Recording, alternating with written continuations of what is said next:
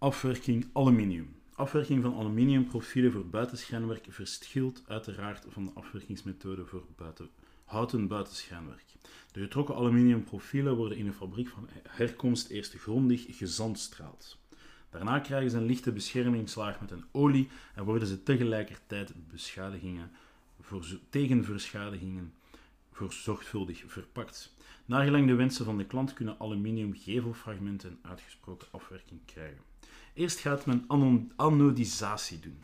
Anodiseren is het aanbrengen van een oxidelaag langs elektrochemische weg. In een verdund zwavelzuurbad wordt het profiel door een gecontroleerde elektrolytische behandeling bewerkt, waarbij het aluminium als pluspool fungeert en het verdunde zwavelduur als minpool wordt opgeladen. Door een stroomdoorgang van het verdunde zwavelzuurbad wordt aan het aluminium zuurstof ontwikkeld dat door de oppervlakte een oxidatie neerzet. Zwavelzuur anodiseren is slechts een van de reeks bewerkingen die een afgewerkt product ondergaat. Vooraf wordt het profiel eerst gezuiverd en ontvet, daarna volgt een anticorrosiebehandeling en tenslotte krijgt het nog een nabehandeling die dan uitgesproken kleur geeft. De oxidatielaag kan doorzichtig of gekleurd zijn. In het laatste geval wordt de poriën in de oxidelaag met pigment gevuld vooraleer de nabehandeling wordt aangevat. De oxidelaag is harder dan glas, is niet giftig, ze bezit een goede hechting en een goede weerstand tegen zuren. De laagdikte van een anodisatie voor buitenschijnwerk bedraagt minimum 20 micron en geeft een goede weerstand tegen wrijvende slijtage, maar kan echter geen stoten of slagen verdragen. De dikte van de anodisatie kan nagelang de toepassing van aluminium verschillend zijn. De uitzichten van het anodisatielaag hangt af van de voorafgaande bewerkingen van de profielen. Zo kan men volgende oppervlakte-effecten onderscheiden: glanzend, mat, gesatineerd. Dan hebben we nog lakken en poederkotelen. Dat wordt gedaan door een gespecialiseerd bedrijf. Nadat de poeder is aangebracht, wordt het profiel direct in een speciale tunneloven aangebracht van temperaturen van 180 tot 210 graden, waarbij poeder overgaat in een gesloten deklaag. Ook hier zitten een aantal voor de voorbehandelingen noodzakelijk. Het zuiveren, ontvetten en aanbrengen van een anticorrosielaag gaat het moffelen vooraf. Moffelen is een andere naam voor poederkoten. Er kan onderscheid gemaakt worden tussen zichtbare en niet zichtbare vlakken.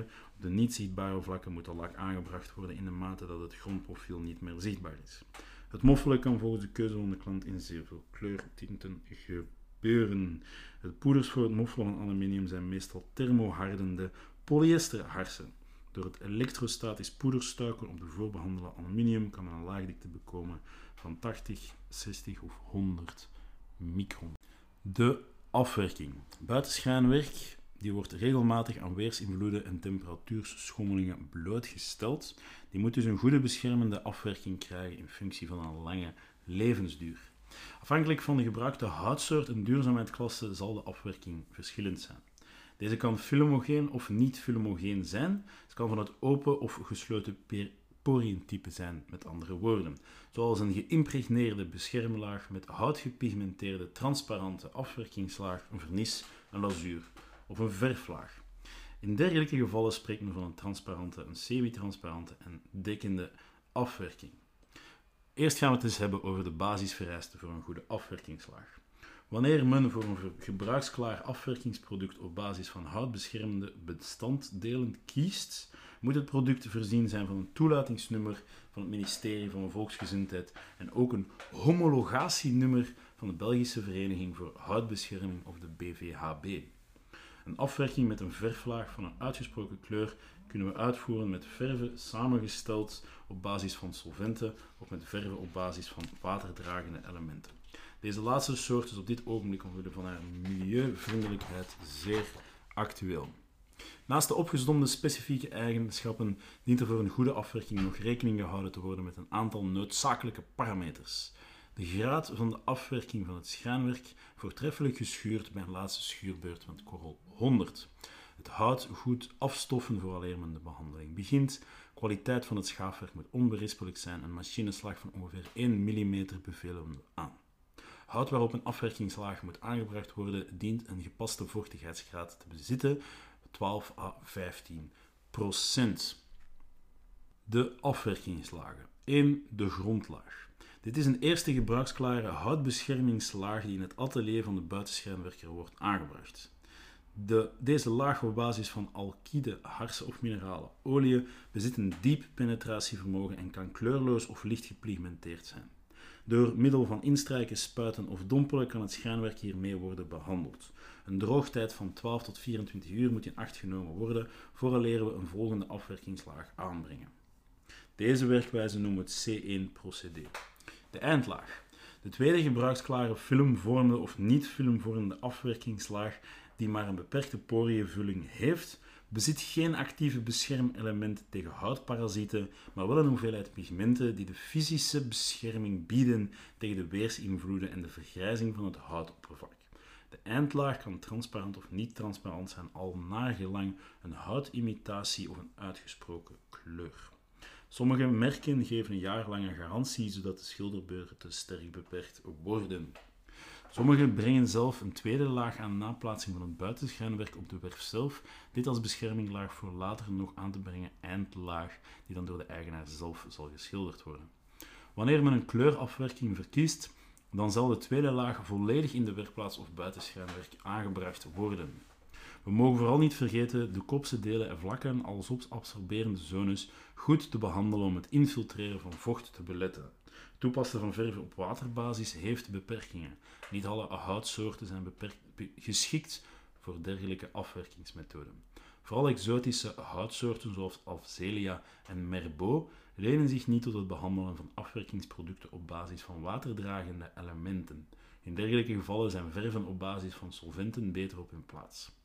De semi-transparante en de transparante afwerkingssystemen kunnen nagelang een afwerking ingedeeld worden in drie groepen, waarbij de verwerkingsweerstand afneemt. Zo treffen we de C2, de C3 en de C-top classificatie. C2 is een gepigmenteerde, laagvormige houtbijt die een schimmeldodende stof, houtrotfungicide, bevat.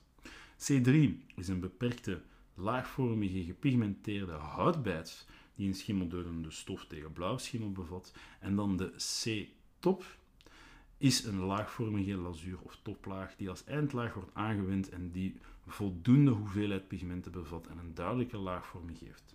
In de massa zijn blauwfungiciden opgenomen en het mengsel bevat 30 tot 60 procent droge stoffen zoals pigmenten. Afwerking van PVC. De toepassing van kunststoframen is in ons land de laatste decennia sterk toegenomen. Onder de vele kunststoffen met hun uiteenlopende eigenschappen heeft tot nu toe alleen polyvinylchloride, hard PVC, als materiaal het gevelelementenopgang gemaakt. Natuurlijk worden ook andere soorten kunststoffen gebruikt. De PVC-profielen door extrusie bekomen kunnen in een basiskleur of een uitgesproken kleur voorkomen. De gekleurde profielen hebben aan de buitenkant een gekleurde acryllaag, PMMA, in een uitgebreid gamma. De acryllaag wordt samengeëxtrudeerd met de basiskleur van het dragende profiel, namelijk wit, zodat er een homogene verbinding bereikt wordt tussen de PVC-drager en de gekleurde acryllaag. Deze werkwijze noemt men co-extrusie. Naast de gekleurde profielen kunnen PVC-buitenschijnwerk ook nog voorkomen in diverse houtdesigns. Door middel van een speciale fabrikageprocedé worden houtimitatiefolies op de profielen aangebracht. De keuzemogelijkheid van afwerking wordt hier daardoor nog vergroot. Luchtvervuiling, neerslag en allerlei ongunstige weersinvloeden kunnen de oppervlakte van het buitenschijnwerk enigszins bevuilen. De reiniging met water en een niet schurend huishoudingsreinigingsmiddel kan voldoende oplossing geven. Het PVC-profielmateriaal heeft een neiging elektrostatisch op te laden, wat kan toenemen door polijsten en oppoetsen. In dit geval kan men best een behandeling uitvoeren met een reinigingsmiddel dat een antistaticum bevat. Hang- en sluitpunten. In de vleugel en het kozijn moeten we meerdere hang- en sluitpunten plaatsen die de vleugel goed op het kozijn laten sluiten. Zo wordt de vleugel gelijkmatig tegen het kozijn gedrukt en blijft de goede werking van de dichting gewaarborgd. Het beslag moet aan enkele eisen voldoen. Stabiel en uit een duurzaam materiaal vervaardigd worden, goed functioneren, veilig zijn, soepel en makkelijk te bedienen. Slag buitenschijnwerk in aluminium. Sponningen aan vleugel- en kozijnprofielen. De profielen bestaan uit buisvormige aluminium halfschalen die de producent zelf machinaal assembleert tot driekamerprofielen met behulp van polyamide isolatiestrippen. Op deze manier kan binnen en buiten een verschillende kleur toegepast worden. De gehele vleugelprofiel bezit rondom enkele sponningen, onafhankelijk van de sponningen van de kozijnprofiel. De glas, sponningen en glaslat. De dubbele of drievoudige beglazing wordt geplaatst in een glassponning van minimum 18,5 mm diepte. De glassponning wordt doorboord met een opening van 5 mm in de vleugelstijlen aan scharnier en cruxzijde. Op deze manier wordt de drukegalisatie rond de isolerende beglazing voor elkaar gekregen. De glaslatten worden op hun plaats gehouden door de druk van de beglazing naar binnen of naar buiten toe, naar gelang van de toepassing van de binnen- of buitenglaslat. De glaslatten zijn dus niet klikkend. In een geëxtrudeerd kanaal in de glaslat zit een cilindervormig dichtingssnoer van celrubber dat waterinfiltratie uitsluit. Simpeler uitgedrukt kan je het zien als een normale vleugel waar het sponningsvoorhoud langs de linkerkant de vleugel of de beglazing gaat tegenhouden. Uh, is in dit geval ook alleen aan de rechterkant zit de glaslat vast geklikt in de rechterkant van het uh, profiel van het uh, vleugelprofiel. Dan aansluitingen tussen vleugel en kozijn. Alle vleugel- en kozijnprofielen sluiten aan met een onrechtstreeks waterscherm waarbij de sluitpotjes, nodig om de vleugel te sluiten, met schroeven uit roestvrij staal op de profielen worden geschroefd. Alle horizontale onder- en tussenprofielen worden voorzien van een draineersysteem. Drie ronde gaten van minimum diameter 8 mm of een sleufgat van 8,5 en 34 mm. De drie ronde gaten of sleufgaten komen voor op elke 500 mm breedte en een maximale afstand van de hoeken bedraagt 250 mm. Het draineersysteem van de vleugel en kozijn moet ten opzichte van elkaar verspringen. Hang- en sluitwerk. Alle gangbare corrosiewerende en universele draai- en sluitpunten worden vastgemaakt met roestvrije stalen schroeven. De verbindingen. De hoekverbindingen tussen de profiel worden gevormd door de in verstek gezaagde aluminiumprofielen. Die zijn handmatig te verbinden met nokken of pneumatisch met persen. Elke hoek bezit verschillende verbindingspunten, aluminium pershoeken of schroefhoeken. Voor het persen van de pers- of schroefhoek wordt de doorsnede van de in verstek gebrachte profiel ingelijmd met twee componenten PUR of in voorzien van een neutraal elastische dichtingskit. Een speciale aluminium steunhoek zorgt voor het vlak blijven van de in verstekhoeken. De steunhoeken worden ook met twee componentlijnen puur verlijmd. Een vulhoek in kunststof vormt de afwerking van de assemblage tussen de polyamide isolatiestrip. Dwarsverbindingen. Dwarsprofielen worden bevestigd met T-verbinders of met schroeven door het kozijn. De T-verbinders worden met schroeven en of doordrukschroeven in het kozijn vastgezet. De T-verbindingen worden met aangepaste vulstukken of een afdichtingsproduct met blijvende elastatie, elasticiteit verbonden. Slag buitenschijnwerk in PVC. 1. Sponningen aan kozijn- en vleugelprofielen. De holle profielen voor de vleugel bezitten rondom een enkele dubbele of drievoudige sponning, een aanslag, onafhankelijk van een enkele sponning bij de kozijnprofielen. De holle geëxtrudeerde profielen in slagvast hard PVC voor de vleugel bezitten rondom een enkele dubbele of drievoudige sponning, onafhankelijk van het enkele sponning in het kozijnprofiel. De glassponningen en de glaslat. De dubbele of drievoudige beglazing wordt geplaatst in een glassponning met minimum 20 mm diepte. Dit volgens de richtlijnen van de STS 38 en voorschriften van de fabrikant. De glassponning wordt gedraineerd door de kozijn- of vleugeldorpel te doorboren met twee draineringssleuven van diameter 5 en lengte 25 mm, waardoor via de holle kamers in de profielen een gecontroleerde verluchting ontstaat en eventueel condensatiewater kan afgevoerd worden. Doorsnede van de glaslatten is afgeschuind of geprofileerd om een optisch anker uitzicht, slanker uitzicht te krijgen. De glaslatten komen in de hoeken samen in het verstek. Het glas wordt op zijn plaats gehouden door de glaslatten over de hele lengte in de hoofdprofiel te klikken.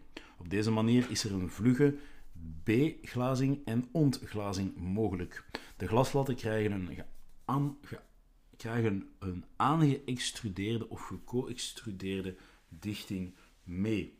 Aansluitingen tussen kozijn en vleugel. Alle kozijn- en vleugelprofielen sluiten industrieel aan op een onrechtstreeks waterscherm, waarbij de sluitplaatjes, nodig om de vleugel in het kozijn of de vleugel te sluiten, met corrosiewerende schroeven op de profiel worden geschroefd. Alle horizontale profielen worden voorzien van ontwaterings- en decompressiesleuven in de sponning, die via de daarvoor voorziene holle kamer kunnen verluchten. Minimum 2 sleuven per vleugels per kozijn of minimum 100 mm uit de buitenhoek. Indien de afwatering met sleuven langs de buitenzijde gebeurt, wordt er een afdekkapje geplaatst. De sleuven in de sponningen en deze aan de buitenzijde moeten minimum 50 mm van elkaar gepositioneerd worden om een fluiteffect te vermijden. In een kamer met verstevigingsprofiel of beslagonderdelen mogen geen sleuven zitten. Hang- en sluitwerk. Alle corrosiewerende gangbare universele draai- en sluitpunten worden geplaatst met staalverzinkte, zelftappende schroeven en gemonteerd volgens de richtlijnen in de STS 36 en STS 52.